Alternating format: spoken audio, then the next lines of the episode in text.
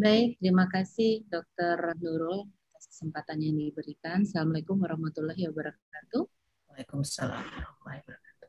Hormat, Dr. Nurul tadi sudah, kemudian Dr. Lili, uh, Ibu Gabriel dari PT Fresh News. Terima kasih atas kesempatan yang diberikan pada saya dan seluruh sobat IC Tech. Saya izin share screen ya. Baik, jadi kali ini saya akan membawakan tentang ovarian cancer, kakeksia, dan recent update management dalam penata laksanaan kanker ovarium. Ini adalah outline sedikit tentang kakeksia, classification, dan patofisiologinya. Nggak terlalu banyak karena nanti akan dibahas secara lebih jelas. Ini ada outline-nya, kemudian nanti kita akan membahas ovarian cancer, apa sih permasalahannya, terutama yang berhubungan dengan disease dan terapinya, serta hanya sedikit saja tentang nutrition uh, pada palliative uh, care pada pasien-pasien dengan kanker ovarium. Uh, se seperti kita ketahui bahwa definisi dari kakeksia itu berasal dari bahasa Yunani kakos and uh, hexia yang artinya adalah kondisi yang buruk atau bad condition dan ini biasanya berhubungan dengan prognosis. Old definition mengatakan kehilangan weight loss lebih dari 10%. Namun uh, Cancer Consensus Conference pada tahun 2007 memperbaiki mengatakan bahwa kakeksia itu hanya merupakan suatu kompleks metabolism syndrome yang biasanya diasosiasikan dengan penyakit yang uh, uh, yang penyakit yang menyertai dan karakteristiknya itu ditandai dengan kehilangan uh, muscle loss ya, kemudian dengan atau tanpa kehilangan daripada jaringan lemak. Dan pada orang dewasa ini uh, khas banget dengan penurunan berat badan, sementara pada anak-anak biasanya ada gangguan dalam pertumbuhan. Namun hal ini harus dibedakan uh, dengan uh, kejadian kelaparan gitu ya atau uh, penurunan otot uh, masa masa otot yang disebabkan karena uh, proses uh, penuaan atau adanya depresi atau adanya hyperthyroidism. Kemudian uh, International Group of Researchers pada tahun 2011 memperbaiki lagi bahwa kriteria daripada kanker kakeksia adalah uh, kekurangan uh, weight loss lebih dari 5% atau 2% pada BMI yang kurang dari 20 atau adanya skeletal muscle mass atau sarkopenia. Klasifikasinya ada uh, prekakeksia, kakeksia, refraktori kakeksia. Prekakeksia ini weight loss-nya kurang dari 5%. Biasanya disertai dengan dimulai dengan adanya anoreksia, perubahan metabolik. Kemudian kakeksia mulai tadi memakai definisi kurangan weight loss-nya adalah lebih dari 5 atau 2% pada BMI kurang dari 20 atau adanya sarkopenia. Dan ini disertai dengan uh, pengurangan daripada food intake dan adanya suatu proses inflamasi yang sifatnya sistemik. Dan yang terakhir ada refraktori kakeksia. Nah ini uh, degrinya itu lebih berat lagi. Biasanya pasien pada kondisi uh, kata uh, prokatabolik uh, state, kemudian dia biasanya nggak respon terhadap anti-cancer treatment dan ini uh, tanda-tandanya itu pasiennya itu uh, pada low performance score. Ekspektasi life-nya itu kurang dari tiga bulan. Kalau kita masukkan pada paliatif itu sudah pada terminal palliation ya. jadi targetnya adalah quality of dying ya. Jadi nanti akan jadi mungkin bisa jadi diskusi pada refraktori kakeksia ini apakah masih diperlukan lagi pemberian uh, nutrisi ya. Sangat menarik sekali. Kemudian patofisiologinya sedikit saja bahwa kanker kakeksia itu tadi kan ada anoreksia, muscle wasting, loss of adipose uh, tissue ini bukan hanya disebabkan oleh karena disease-nya, oleh karena kanker ovarium, tapi dari terapi yang kami berikan, baik itu uh, terapi pada kanker ovarium itu yang dominan adalah operasi dengan atau tanpa pemberian kemoterapi. Ya, jadi dua hal itu yang menyebabkan uh, kondisi anoreksia pada pasien kanker ovarium menjadi uh, semakin diperberat. Nah, ini tentang ovarian cancer sendiri sampai saat ini menempati posisi ketiga kanker terbanyak di uh, organ genitalia uh, di dunia ya. dan uh, kematiannya lebih uh, tinggi dibandingkan kalau kita gabungkan antara kanker endometrium dengan kanker serviks. Kenapa? Karena sampai saat ini tidak ada uh, screening yang efektif untuk dapat menegakkan diagnosis kanker ovarium Uh, secara dini gitu ya. Jadi sehingga rata-rata pasien kanker ovarium itu uh, bukan hanya di negara berkembang, inline dengan negara maju, rata-rata ditemukan pada diagnosis yang uh, sudah terlambat yaitu rata-rata sudah stadium 3C. Dan hampir sekitar 300 ribu kasus baru pada tahun 2018. Indonesia sendiri menempati 25 berada pada posisi 25 negara yang memiliki highest rate angka kejadian kanker angka kejadian kanker ovarium di tahun 2018.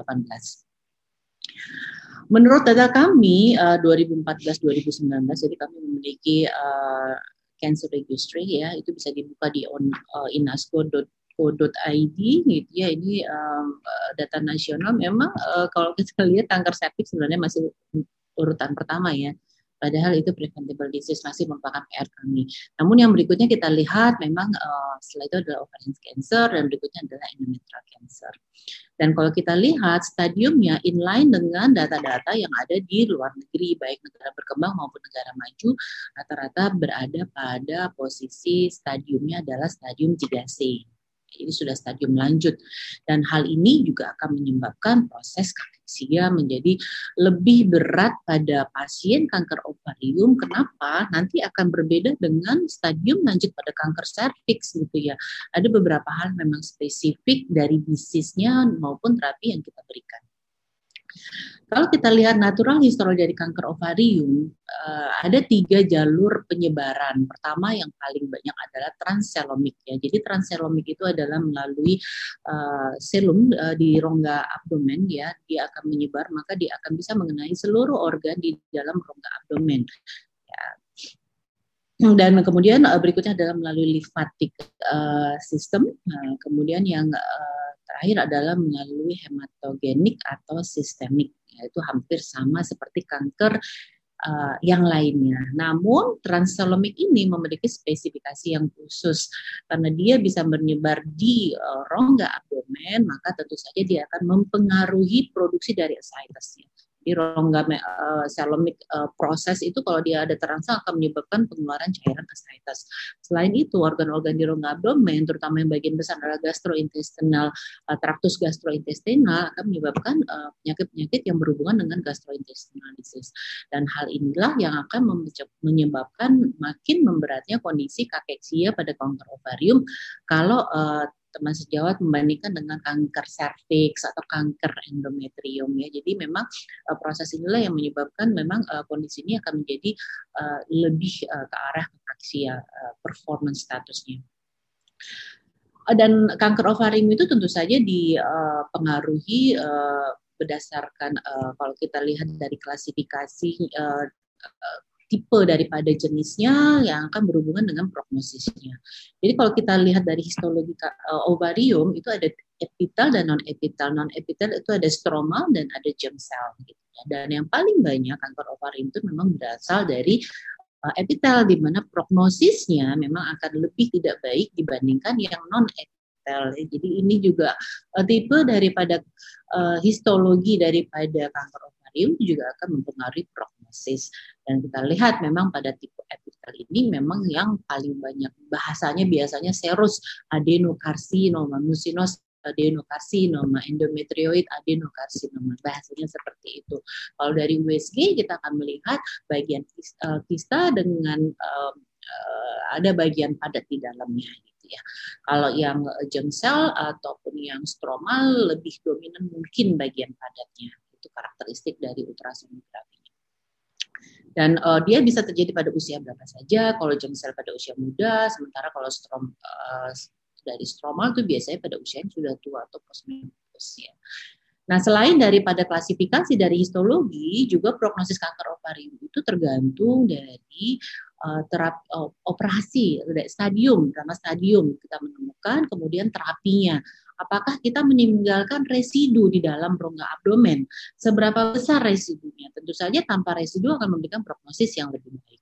Selain itu, grading daripada tumor juga uh, well differentiated. Grade 1 tentu saja prognosisnya akan lebih baik dibandingkan poor differentiated atau grade 3. Dan kita lihat memang yang paling banyak adalah high grade serius, uh, high grade serus dari tipe epitel ya, hampir 70 70 persen dan ini inline dengan uh, di negara-negara uh, lain baik berkembang maupun maju. Oleh karena itu, kalau teman-teman sejawat melihat penelitian di kanker ovarium, itu konsentrasinya hampir semuanya adalah di kanker ovarium jenis yang epitel. Adapun faktor risikonya usia tadi tergantung dari tipenya ya. Kalau cell dia usia muda, kalau epitel bisa di segala usia, kemudian kalau yang stroma biasanya usia tua, kemudian obstetric history. Kalau kita melihat dari salah satu uh, apa kejadian kanker ovarium itu adalah proses ovulasi yang menyebabkan kerusakan dari kortet, tentu saja dengan varitasnya lebih banyak akan melindungi ovarium tersebut dari proses ovulasi, jadi akan lebih baik dibandingkan yang tidak memiliki anak. Gitu ya. Kemudian uh, ini tadi ya pariti, kemudian uh, ini cancer family history ya. Ada dua uh, hereditary gynecology cancer yang berhubungan dengan cancer family history yang kita sebut namanya breast ovarian uh, syndrome itu uh, biasanya hubungannya dengan kelainan uh, BRCA mutasi 1 dan 2 atau uh, link syndrome, mismatch repair mutation itu MSH, MLH ya itu biasanya hubungannya dengan kanker ovarium, kanker rahim atau endometrium, kanker kolon dalam keluarga. Jadi hal-hal itu perlu dipaspadai dan akan masuk dalam anamnesis ketika kami menemukan pasien dengan kanker ovarium. Contraception uh, prosesnya sama tadi ya dengan uh, paritas, uh, obstetric history di mana contraception mencegah terjadinya ovulasi diharapkan bisa melindungi ovarium dari uh, dari proses perusakan karena terjadinya ovulasi. Nah, onkogenesis sendiri uh, untuk tipe tipe epitel itu uh, yang terbaru dari Kurman membagi menjadi tipe 1 dan tipe 2. Itu yang berbeda adalah mutasinya dan perkembangannya. Tipe 1 itu uh, slow growing ya. Kita bilangnya low potential malignant. Biasanya penyebabnya kiras dan uh, birah mutation gitu ya. Uh, dia jalannya sangat lambat gitu ya. Jadi kalau kita menemukan pada stadium yang dini responnya sangat baik sekali. Namun permasalahannya kalau kita menemukan pada stadium yang lanjut karena dia banyak uh, uh, karena dia low potential malignant kebanyakan sel itu pada quiescence phase ya genol karena banyak jinol nggak mudah ber, uh, membelah, maka dia seben, uh, less resisten terhadap kemoterapi. Jadi uh, menemukan sedini mungkin itu menjadi satu hal yang sangat penting. Nah, yang sering kita temukan mungkin teman-teman kalau bertemu dengan kanker ovarium itu yang biasanya type 2 ya, P53 mutation ya. Yang sering paling banyak uh, kita lihat. Dia sifatnya lebih jelek, tapi dia lebih respon terhadap kemoterapi gitu ya. Uh, Tata laksananya tipe 1 dan tipe 2 tidak ada perbedaan ya. Yang membedakan hanya prognosisnya saja. Kemudian stadiumnya mulai dari stadium 1, 2, 3, 4, 4A, 4B.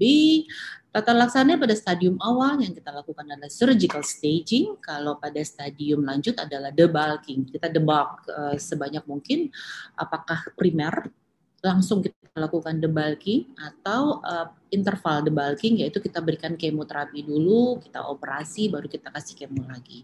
Dan berikutnya diikuti dengan uh, tergantung daripada stadium, pada stadium yang lanjut maka operasi saja menjadi sangat tidak bermanfaat karena tadi penyebaran yang uh, uh, limfa limfogen uh, transelomik bisa kita lakukan dengan surgery. Namun yang hematogen tidak bisa, maka kita harus memberikan terapi uh, dengan uh, kemoterapi untuk uh, jalur hematogennya. Kemoterapi saja tanpa operasi juga percuma, operasi saja tanpa kemoterapi pada stadium yang lanjut juga tidak akan berguna. Jadi itu prinsip dari penata laksanaan kanker ovarium. Adapun radiasi tidak terlalu bermanfaat di kanker ovarium karena radiasi itu sifatnya loko regional ya. Dia tidak akan bisa mencakup seluruh transelomik, penyebaran transelomik dan hematogenik. Dia akan membutuhkan dosis yang lebih besar dengan kerusakan yang lebih besar. Manajemen ovarian cancer seperti yang sudah saya sebutkan tadi ya adalah kalau dia stadium awal kita melakukan surgical, uh, surgical staging only. Kalau uh, dia stadium lanjut kita lakukan debulking bisa primary maupun interval debulking. Kemudian dilanjutkan dengan pemberian kemoterapi pada stadium yang yang lanjut. Pemberiannya bisa kita berikan sebelum kita operasi kita sebut neoadjuvant tiga seri kita berikan. Habis itu kita operasi kemudian kita berikan lagi. Atau primary debulking Kemudian kita berikan ajuvan kemoterapi 6 seri atau pada saat kekambuhan. Ya, jadi di sini perannya nutrisi sangat besar sekali nih. Terkadang kami sebagai surgeon, wah uh, main operasi aja, nggak lihat albuminnya rendah, nggak lihat performance statusnya gitu ya. Jadi memang di sini uh, perlu sekali uh, backup dari uh, dari para ahli gizi untuk bagaimana memaintenance pasien kanker ovarium untuk bisa masuk ke operasi dan itu akan mak seperti makan buah si malakama kita ada situs albumin kurang gitu ya. Kita fungsi asitesnya tambah berkurang lagi. Sehingga memang uh, kita mengharapkan setidaknya kondisi optimal yang bisa kita kerjakan untuk kita bisa masuk uh, pada kondisi operasi. Dan kemudian berikutnya masih ada PR lagi di dalam operasi dan sesudah operasi untuk persiapan pemberian kemoterapi. Nah ini uh, tadi uh, sama ya. Jadi kalau misalkan uh, ini khusus yang kalau yang uh, early stage kita langsung, langsung lakukan surgical staging. Tapi kalau yang advanced stage kita lihat kalau dia masih uh, resectable kita lakukan primary debugging. Habis itu baru memberikan kemoterapi. Kalau kambuh kita berikan second line. Kamu lagi third line. Tapi ya harus dipertimbangkan cost and benefitnya ya lebih baik lebih baik, baik mana gitu ya atau sudah pasien harus kita masukkan pada paliatif uh, simptom di mana kita nggak memberikan lagi semua obat yang berhubungan dengan kansernya. Nah pada yang kita pikirkan tidak bisa resectable, tidak resectable pada saat pertama kali kita operasi maka yang biasa kita kerjakan adalah kita fungsi asites nih. Nah ini juga masalah nih ya jadi udah albuminnya turun biasanya kalau fungsi asites nggak hanya fungsi asites kita keluarkan banyak-banyak nih Jadi pasien suka sesak, kita keluarkan banyak-banyak. Nah, itu juga jadi problem ya. Kita butuh backup untuk benar-benar membackup nutrisi pasien supaya dia optimal untuk memberikan kemoterapi dan masuk untuk melakukan uh, terapi operasi pasca pemberian kemoterapi. Kalau positif, kita langsung uh, berikan yang ajuvan, kemudian kita lakukan interval debugging, baru kemudian kita lakukan pemberian kemoterapi. Jadi dia bukan seperti operasi jinak yang selesai pada saat itu. Jadi masih banyak PR-nya dan uh, backup daripada nutrisi sangat diperlukan rekomendasi dari Europe Society juga hampir sama ya. Jadi kalau epithelian selalu ngomongnya adalah epithelian ya karena yang paling banyak adalah epithelian ya. Jadi surgical skillnya available available enggak? Kalau tidak available harus dirujuk uh, ke center yang memiliki multidisiplin uh, keilmuan untuk menata laksana cancer. Kalau available kita lihat kalau dia stadiumnya uh, awal maka kita lakukan surgical staging. Nanti baru kita tentukan perlu kita berikan kemo atau tidak ya. Kalau stadiumnya lanjut maka dia akan masuk pada yang tadi. Kalau stadium 2B 3B bisa nggak kita lakukan uh, surgical staging? Maunya yang paling baik kita lakukan primary debugging pada stadium 3C atau 4 pikir-pikir nih ya uh, fit nggak? Oh dia bisa resectable pasiennya nggak fit. Nah itu juga jadi masalah ya. Kalau misalkan oke okay, uh, pasiennya fit maka kita lakukan uh, primary debugging tapi kalau tidak kita perbaiki kondisinya kita berikan kemoterapi seperti itu. Nah, neoadjuvan ini uh, kita berikan uh, tiga seri, kemudian kita nilai gitu ya. Kalau ternyata progresif disease, maka kita stop, tidak kita lakukan operasi. Pasien masuk pada symptom palliation dengan targetnya adalah quality of life gitu ya. Tapi kalau responnya baik, maka kita akan masuk pada surgery. Bagaimana dengan hereditary cancer in gynecology? Sudah kita ketahui bahwa yang paling banyak itu adalah angka kejadian BRCA yang mutasi 1 dan 2 ya. Ini yang paling banyak yang tadi saya sebutkan BRCA mutasi 1 2 itu berhubungan dengan uh, breast ovarian syndrome ya. Oleh karena itu sekarang dari FDA sudah mulai approve pemberian targeted terapi. Yang pertama kali di approve adalah anti VEGF ya dengan bevacizumab ya. Jadi uh, walaupun kita harus pahami bahwa terapi cancer itu adalah op primer operasi uh, dan kemo pada ovarian cancer. Kita tidak pakai radioterapi. Targeted terapi ini tidak bisa berdiri sendiri. Dia harus uh, selalu mendampingi terapi primer daripada kanker ovarium. Ya, jadi yang pertama adalah bevacizumab. Nah, sekarang kita sudah mulai di approve juga adalah pemberian dengan PARP inhibitor inhibitor pada pasien dengan BRCA mutasi uh, positif gitu ya. Jadi kalau BRCA mutasinya negatif maka kita akan memberikan operasi kemo biasa pada advanced stage itu dengan bevacizumab. Tapi kalau ber, uh, BRCA-nya mutas, uh, muta, uh, mutasinya positif maka kita akan memberikan operasi uh, kemo dan pemberian dari PARP inhibitor. Ya, jadi uh, bevacizumab uh, pemberian bevacizumab ini juga dia akan memperba, memperbaiki ya dari 14 menjadi 19 ya. Di cancer memperpanjang hidup 4 bulan itu ada maknanya ya, tapi perlu diingat juga masalah kos ya karena ini sangat mahal sekali. Sama nanti dengan pemberian nutrisi ya. Ada pertimbangan kos di situ ketika kita harus memberikan nutrisi yang sifatnya kompleks ya. Ini juga sama targeted terapi. Ini untuk yang uh, berangkatnya negatif, bevacizumab kita berikan ya dia akan bisa memperbaiki dari 14 sampai 19 uh, dibandingkan yang tidak diberikan ya.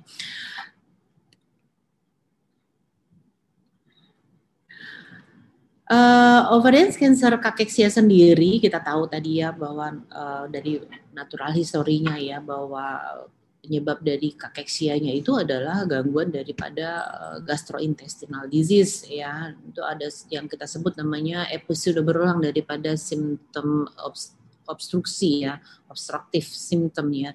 Ini menyebabkan intestinal pseudo obstruction ya. Jadi uh, menyebabkan segmental uh, paralytic ileus yang menyebab uh, itu bisa karena proses penekanan daripada ascitesnya atau dari masa tumornya atau ada serum muskular uh, seromuscular infiltration pada small bowel atau pada bowl, uh, usus besar ya yang akan menyebabkan gangguan pergerakan daripada usus ya uh, mengganggu sirkulasi juga ke usus yang menyebabkan juga makin memperberat uh, gerakan daripada usus ya. Nah, pasien cancer ovarium ini dia memiliki 19 kali lipat untuk angka kejadian malnutrisi dibandingkan kanker yang lain gitu ya. Tadi prosesnya sudah dijelaskan. Nah, albumin ini memang merupakan suatu parameter uh, objektif yang sering digunakan dibandingkan dengan uh, berat badan. Karena pasien dengan tumor yang besar dengan ascites kadang berat badan itu sangat uh, bahaya sekali, nggak sesuai gitu ya. Beda dengan kanker serviks atau dengan kanker uh, ovari kanker endometrium. Ya, jadi Terkadang uh, nutritional assessment itu menjadi sangat susah pada pasien-pasien dengan uh, kanker uh, ovarium kalau kita hanya berdasarkan berat badan saja. Nah, ovarian cancer kakeksia itu tadi sudah dijelaskan di awal bahwa penyebabnya bisa karena disease, bisa karena dari treatment. Disease ada tiga cara dia menyebabkan uh, yang paling banyak terjadi pada kanker itu adalah catabolic effect ya. Dia direct dari sel tumornya ke host, uh, dia menghasilkan uh, substance-substance yang secara indirect akan mempengaruhi status nutrisi dari host. Kemudian dia juga akan uh, mengurangi defisit daripada cadangan visceral protein yang akan menyebabkan gangguan absorpsi dari nutrisi yang diperlukan. Sel tumor sendiri juga dia akan meningkatkan uh, uptake glukosa, karbohidrat, asam amino untuk proses replikasi Nah, dan uh, aktivitas metabolik itu yang diambil dari sel makin menyebabkan kakeksia. Selain itu ada direct mekanik uh, mekanisme yaitu adanya ascites. Ascites itu nanti saya akan jelaskan kenapa kemudian segmental ileus. Nah, dari treatment juga dari operasi bisa menyebabkan suatu stres operasi nanti kita akan jelaskan ataupun kemudian kemoterapi. Direct parasit ini kalau kita masuk pada Cori cycle ya, jadi sel uh, sel uh, cancer itu kan akan terjadi proses glikolisis yang uh, dia lebih dominan ke arah anaerob menghasilkan 2 ATP yang menghasilkan laktat yang laktat ini nanti akan di liver akan digunakan untuk terbentuknya gluconeogenesis. Nah, gluconeogenesis untuk menghasilkan glukosa. Glukosanya akan diambil lagi sama sel cancer ya. Uh, gluconeogenesis ini membutuhkan 6, jadi sel host itu kekurangan 6. Jadi kalau kita hitung-hitung net ATP-nya itu kansernya cuma memproduksi 2 ATP, hostnya require 6, jadi eh, host itu akan kehilangan minus 4 ATP ya setiap uh, ininya itu menyebabkan proses uh, anoreksianya menjadi lebih uh, berat gitu ya. Kemudian uh, proses yang lain uh, yang disebut namanya paraneoplastic syndrome ya kanker anoreksia kakeksia sindrom CATS ya. Itu dia akan menghasilkan produk-produk seperti laktat beta hidroksibutirat itu dia biasanya akan menyebabkan penurunan daripada feeding ya karena perubahan rasa jadi manis jadi pahit atau apa pun jadi pahit gitu ya uh, daging yang enak jadi tidak enak gitu ya. Jadi menurunkan uh, loss uh, of appetite ya. Jadi dia menurunkan uh, apa feeding daripada pasien. Kemudian uh, akan terjadi defisit pada visceral protein, enzim-enzim hepar, enzim-enzim pankreas, uh, intestin gitu ya, semuanya yang akan menyebabkan penurunan juga dari absorpsi dari nutrisi-nutrisi uh, yang uh, dibutuhkan oleh sel host. Kemudian adanya ascites tadi ya direct mechanical uh, mechanism, so adanya ascites, adanya dilated bowel loops itu juga menyebabkan abdominal distension ya. Adanya ascites, dilatasi daripada bowel atau ileus akan menyebabkan penekanan pada kapasitas daripada lambung sehingga dia akan merasa premature satiety, dia mudah kenyang gitu ya. Jadi nggak pengen makan padahal lapar gitu ya. Jadi uh, makin memperberat uh, kakeksianya. Kemudian adanya serosal infiltration daripada sel tumor yang akan menyebabkan segmental ileus atau intestinal stasis yang akan juga makin menyebabkan gangguan daripada uh, feeding dan juga absorpsi dari nutrisi yang dibutuhkan. Nah, bagaimana dengan operasi gitu ya? Tadi udah dari disease-nya menyebabkan kakeksian. Eh, bagaimana dengan proses operasi yang kita kerjakan? Ternyata proses operasi itu menyebabkan low insulin sensitivity. Kenapa? Karena akan terjadi uh, stres, uh, surgical stress respon yang menyebabkan perubahan daripada metabolik uh, pasien ya dan hal ini bisa menyebabkan uh, perubahan uh, daripada konsentrasi daripada insulin dan ini akan menyebabkan yang kita sebut namanya insulin resisten. Jadi setiap ada kerusakan yang disebabkan karena operasi itu akan merangsang hipotalamus dan hipofisis untuk mengeluarkan counter regulator counter regulator hormon sitokin, uh, zat-zat inflamasi yang akan merangsang otot untuk terjadi proses uh, proteolisis, lipolisis. Nah, ini adalah produk-produk yang akan dibutuhkan untuk terbentuknya uh, dibentuknya proses gluconeogenesis, uh, glucogenolisis yang akan menghasilkan glukosa. Akan terjadi proses yang hiperglisemia selama proses operasi gitu ya. Dan kontrol-regulator hormon sitokin sini juga akan bisa menyebabkan suatu kondisi yang resisten insulin gitu ya Nah, pada kondisi resisten insulin, GLUT4 ini jadi yang yang biasanya pada di sel cancer itu yang paling berperan ini nggak tahu ya adalah GLUT4 nih. Dia sangat membutuhkan insulin sekali untuk memasukkan glukosa ke dalam uh, sel. Nah, karena adanya insulin resisten, maka kemampuan dari GLUT4 untuk mengambil glukosa menjadi terhambat sehingga gula darah banyak uh, berada di dalam pembuluh darah dan makin menyebabkan hiperglisemia. Adanya intraperitoneal surgery in uh, fasting state juga akan meningkatkan uh, blood glucose 120 120 mg per uh, deciliter ya. Kemudian pemberian perioperatif kortikosteroid sebelum operasi, katekolamin, IV drugs, D5, uh, produk-produk darah, parenteral feeding ini juga akan mengeksarbasi uh, kejadian hiperglisemia. Um, ya semua operasi sebenarnya walaupun laparoskopi dikatakan lebih less ya tapi sesungguhnya hampir semua operasi menimbulkan uh, reaksi hiperglisemia maka sangat penting sekali untuk eh, kadang orang tidak memperhatikan tuh berapa gula darahnya gitu ya harus dikontrol atau tidak itu kadang uh, suka dilupakan. Nah konsekuensinya apa dari hiperglisemia ini ya? Jadi uh, dia akan menyebabkan kalau gula darahnya 126 eh, di atas 126, random blood glucose-nya di atas 200, dia akan menyebabkan 18 kali lipat lebih besar hospital mortality, longer stay di dalam uh, length of stay di uh, hospital dan angka kejadian infeksi. Kemudian kalau aku change in glucose level juga akan menyebabkan post traumatic chronic pain, post operative delirium, cognitive dysfunction gitu ya.